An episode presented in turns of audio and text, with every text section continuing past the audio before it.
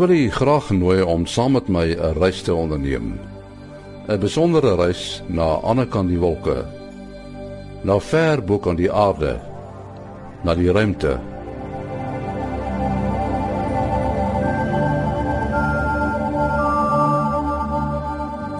Ons is nou al op 'n hoogte van 70000 voet waar die destydse Concorde ligkilometers opgevreet het teen mag 2. Mense kan nou al die ronding van die aarde sien en die lug word 'n dieper donkerder blou.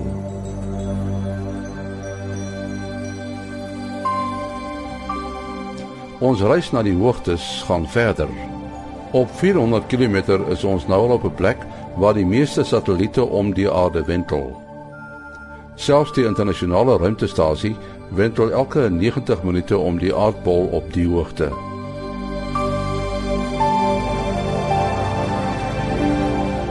Ons gaan nog verder en kom by die maan en ons kyk terug na die aarde. Die blou planeet. Ons is nou al 380 000 km ver van die aardbol wat soos 'n blou juweel in die swart donkerte hang.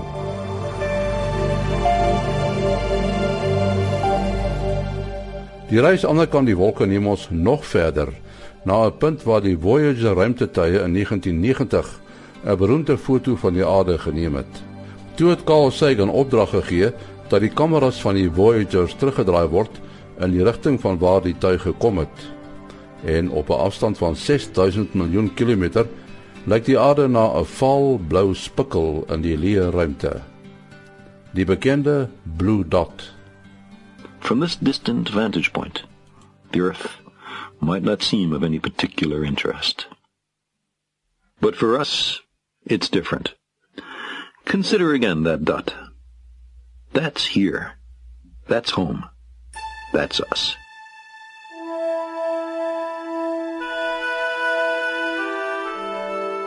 Die oneindige grootsheid van alles. Uh, ek kan onthou toe ek die eerste keer in die noordweste in die nag buite geslaap het. En hierdie melkweg lê om jou en jy voel dit soos vrugte wat jy kan pluk so na aan hou is dit. Daar's nie rookmis nie, daar's niks wat hierdie goed vir jou keer nie. En jy besef en ons is deel van hierdie ongelooflike hierdie magtige ding wat die heelal genoem word. En dan besef jy, jy weet, hoe onmatig ons was ons oor al die eeue. Die mens gedink het jy weet ek sal die natuur tem. Jy weet bewaak en bewerk. Ons sal die natuur beheer. Ons sal die diere name gee.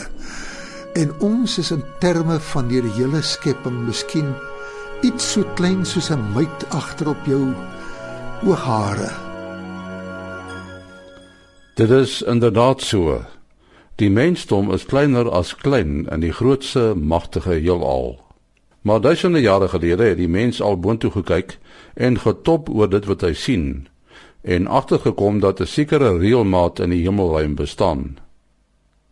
Die maan word min of meer elke 30 dae groter en elke 30 dae verdwyn hy heeltemal.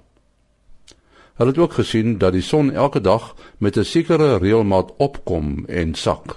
Meestal het hulle gekyk net voor die son opkom en net na die son gesak het want hulle het nie daai tyd al die moderne toer goed gehad wat ons in die middel van die nag wakker is nie. Toe die mense begin te oplet maar net voor die son sak sien jy sekere sterrebeelde in die lug. Net na die son gesak het sien jy sekere sterrebeelde deur die lug. En die goed verander deur die jare toe het hulle nou begin te rekord hou van hoe die goed beweeg hoe dit vir hulle lyk asof die son deur die lugruim beweeg. En toe het hulle begin te agterkom maar kyk hierdie goed het 'n verband met die tyd van die jaar. Wel sterrekunde het bestaan het ontstaan waarskynlik by die ou Chinese, die ou Chinese beskawings en toe daarna die uh, Mediërs en die Perse, Babiloniërs, maar natuurlik het ons ook uh, agtergekom dat die Inkas en die Azteke het ook natuurlik 'n uh, tipe sterrekunde bedryf Nou die die doel van die sterrekunde wat hulle bedryf het was nie so, so seer die bestudering van die heelal en uh in terme van 'n wetenskap, maar natuurlik meer in terme van van uh, om hulle gode wat hulle gehad het in die ruimte te plaas natuurlik sodat almal dit kon sien.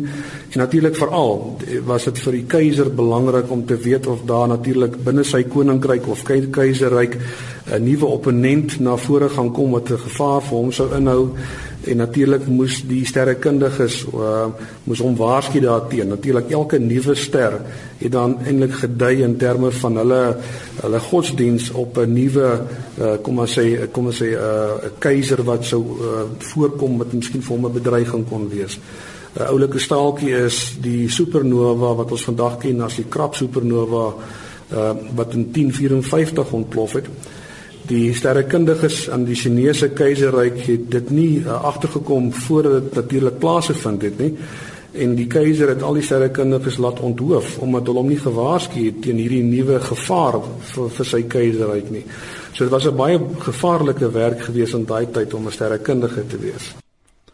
Hierdie studie wat die mense van die lugruim gemaak het, is gedoen met baie eenvoudige instrumente. Daar was so 'n soort van instrumente, uh, die die die eerste uh observasies wat gedoen is, wou mense natuurlik bepaal uh, uh ek bedoel die eerste die eerste goed wat jy wil sien is jy sien jy sien iets beweeg. Uh jy sien ou afbeeldings van uh uh noem dit maar groot grade bo wat die mense na die na die sterre toe gemik het en dan kyk hulle langs hierdie een af en langs die ander een en dan bepaal hulle die hoek tussen dit ensovoorts. Maar die eerste teleskope het hulle opwagting eers in die 1600s gemaak. Drie ouens word word uh, gekrediteer vir die ontdekking van die teleskoop. Nou die die oudste en die vroegste uh, patent uh, word ge, ge, gehou uh, deur uh, is eintlik 'n Duitser wat later in Nederland gewerk het toe hy die uitvinding gemaak het. 'n uh, Persoon met die naam van ha Hans Lippershey. En en uh, dan is daar ook twee ander name, Zacharias Jansen is 'n Nederlander en en nog 'n Nederlander Jacob Mitius. 'n Italiaanse wetenskaplike verbonde aan die Universiteit van Pisa, Galileo Galilei, het die teleskoop verder verfyn en was die eerste om die maan se oppervlak te bestudeer en die maane van Jupiter waar te neem. Hy het Jupiter en sy maane gebruik as 'n voorbeeld van hoe die aarde om die son draai en nie soos mense tot in daardie stadium gedink het dat alles om die aarde gedraai het nie. Galileo het byvoorbeeld na Saturnus gekyk en en gesien Saturnus is nie is nie rond nie, maar hy het sulke oortjies aan. Nou sy teleskoopie was natuurlik baie eenvoudig en en kon nie regtig die ringe van Saturnus waarneem nie, maar kon genoeg detail om uh, waarneem om wel te sien maar maar hier is iets aan die gang hier, hier rondom Saturnus. En so het mense soos Copernicus, Galileo Galilei en 'n paar ander die grondslag gelê vir die moderne sterrekunde. Sterrekunde dek 'n wye veld wat 'n hele paar ander dissiplines insluit. Ons kan maar sê dis die bestudering by wyse van waarneming uh en teoretisering van hemelliggame uh, ten einde groot begrip te kry van wat alles in die uh hemelruim aangaan, wat is die verwantskap tussen die voorwerpe, hoe ver is hulle, sluit kosmologie in, uh wat gaan oor die die, die struktuur en eienskappe van die groter heelal wat dan ruimte insluit, die uitdaging van die heelal, die geskiedenis van die heelal. Dit sluit in die uh ruimtegeologie, astrobiologie. So daar's omtrent nie 'n natuurwetenskaplike dissipline wat mense kon uitsluit uit die sterrekunde uit nie. So is moeilik om 'n eensin definisie daarvan te gee. Soos wat sterrekunde as vakgebied gegroei het, is groter teleskope gebou, soos die een by Mount Palomar die 5 meter Hale spieelteleskoop wat in 1949 al eerste lig gesien het. Tegnologie het verbeter en die teleskoopspieëls het 'n al groter oppervlakte bereik. Die Salk teleskoop op Sutherland met 'n effektiewe spieelgrootte van 11 meter is maar een voorbeeld. Maar al die teleskope is natuurlik optiese teleskope.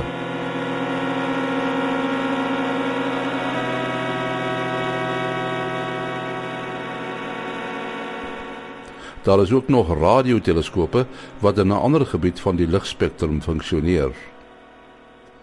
Die radioskottel by Arecibo in Puerto Rico is die grootste in die wêreld met 'n deursnee van 305 meter. maar natuurlik word die heel grootste saamgestelde radioteleskoop, die SKA, hier in Suid-Afrika opgerig. Ons is nou nog besig met die sogenaamde pre-engineering phase, ehm um, die sogenaamde PEP fase. Dit sal loop tot die einde van 2016 en dit is basies om dit tot by 'n detailontwerp uit te kom. Ehm um, en dit datapak en tekeninge sodat jy goed kan subkontrakteer. Die bou van fase 1 is so tussen 2017 en 2020, miskien 2022 en daarna SKA fase 2.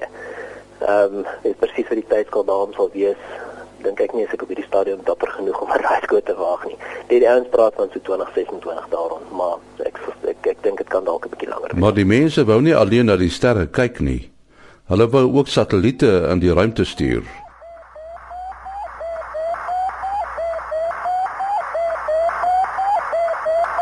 In 1957 het die Russe die hele wêreld verbaas deur die eerste klein satelliet, die Sputnik, in 'n baan om die aarde te plaas. Die Amerikaners het 'n jaar later gevolg met die Explorer satelliet. Dit het nie net by satelliete gebly nie. Die volgende stap was om mense in 'n baan om die aarde te plaas. En weer was dit Rusland met Yuri Gagarin in die Vostok wat in 1961 vir 106 minute om die aarde gewentel het. Кедр. Я заря один. Зажигание. Понял, дается зажигание. Предварительное. John Glenn in die Friendship was die eerste Amerikaner om om die aarde te wentel. Good Lord, ride all the way. Godspeed, John Glenn. 10, 9,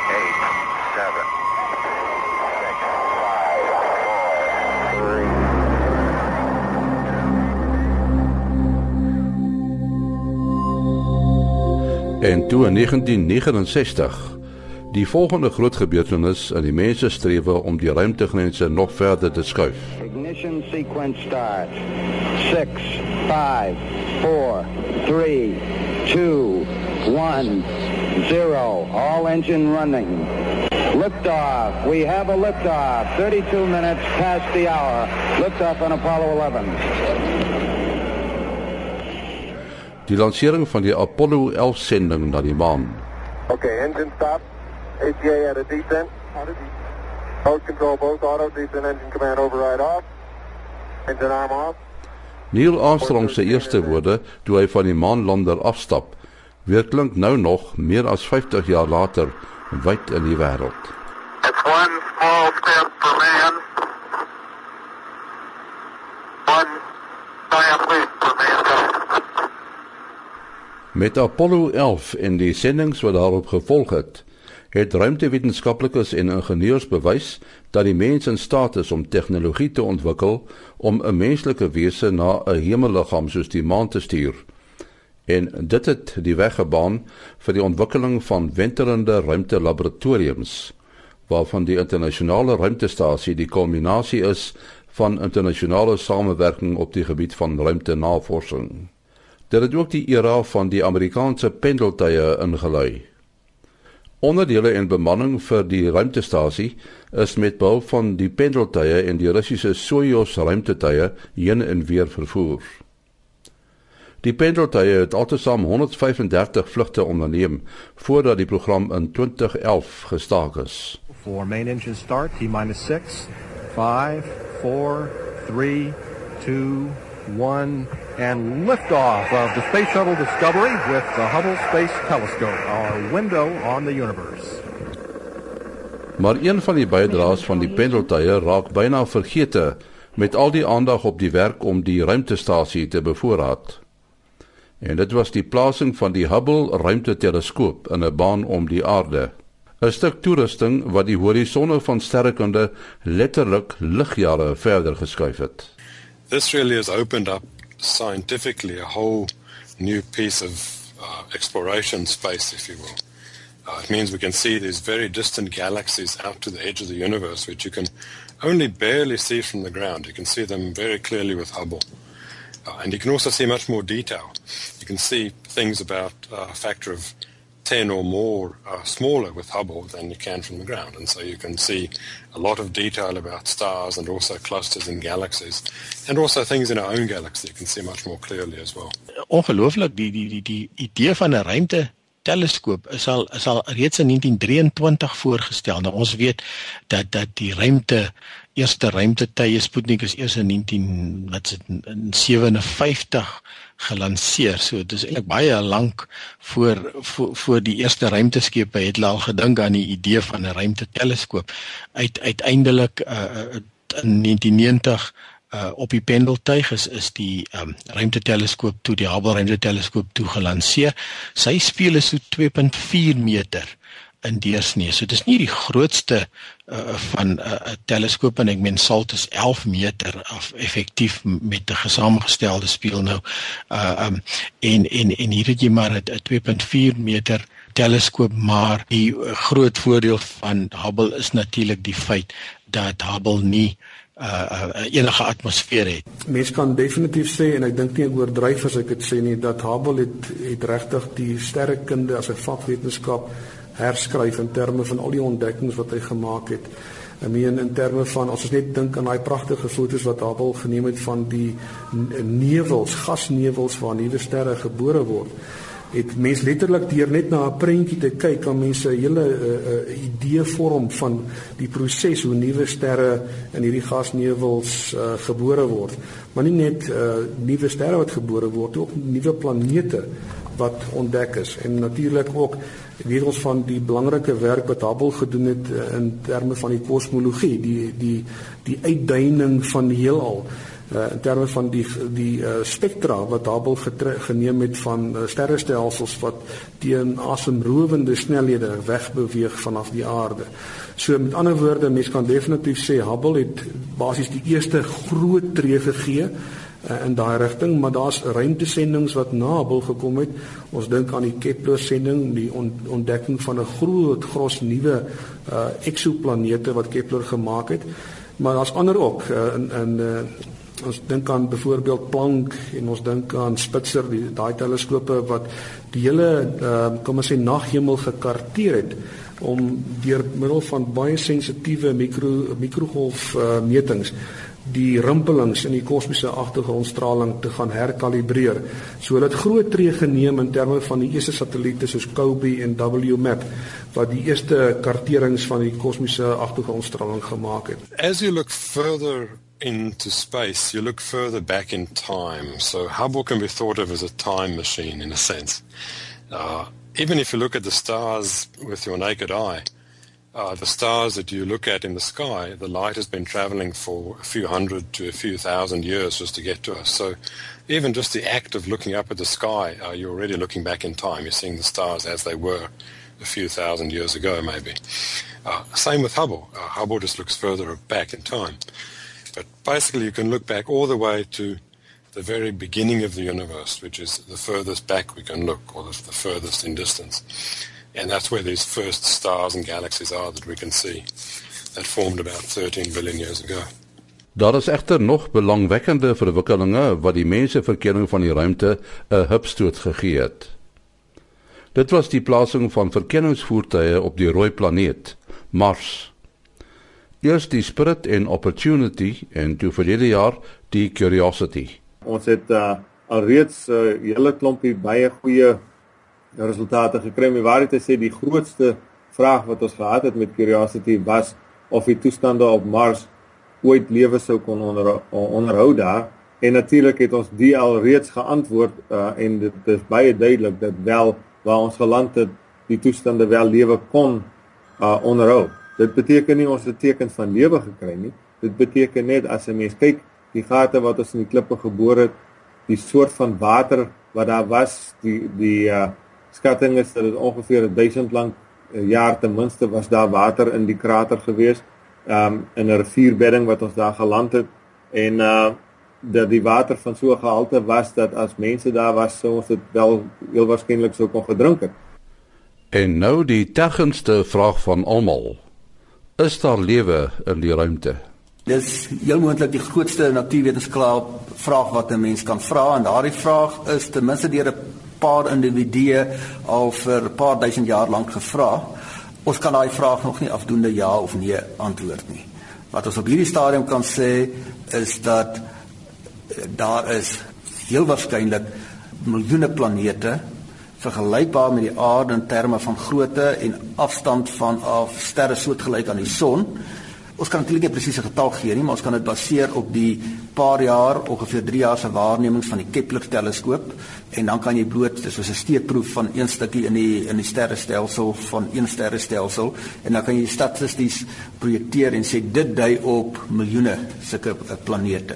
Op hierdie stadium weet ons net dat daar ongeveer 3000 planete is uh wat ons uh, al sover opgespoor het. Sommige van hulle is in die regte plek uh relatief tot hulle son uh, om uh, dalk water en so aan te kan hê. Maar ons het nog geen uh tekens gekry dat daar wel lewe el, uh, elders in die, in die ruimte is nie.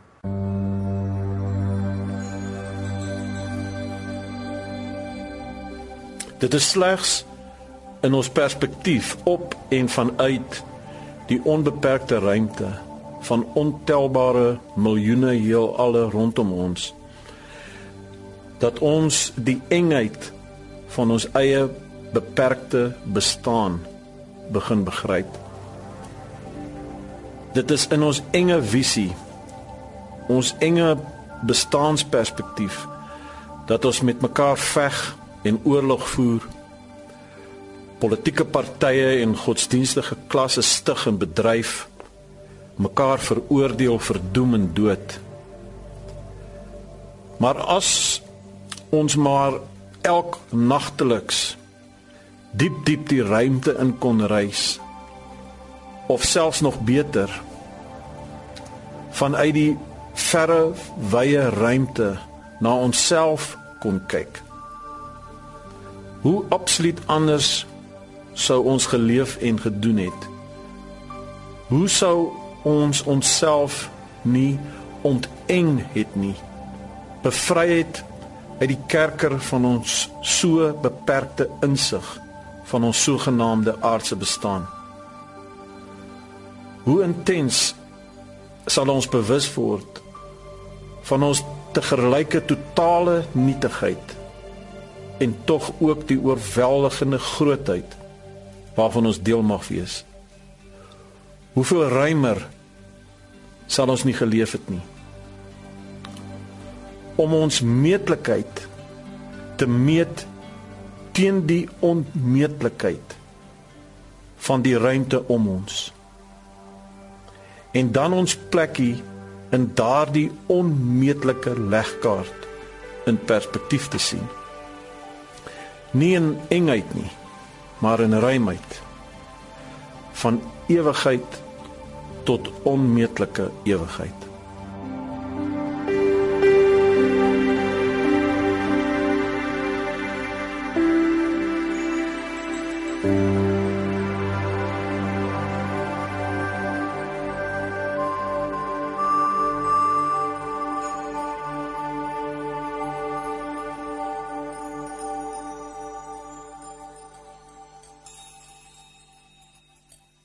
Die bydraers aan die program was Dr. Carl Sagan, 'n Amerikaanse sterrekundige.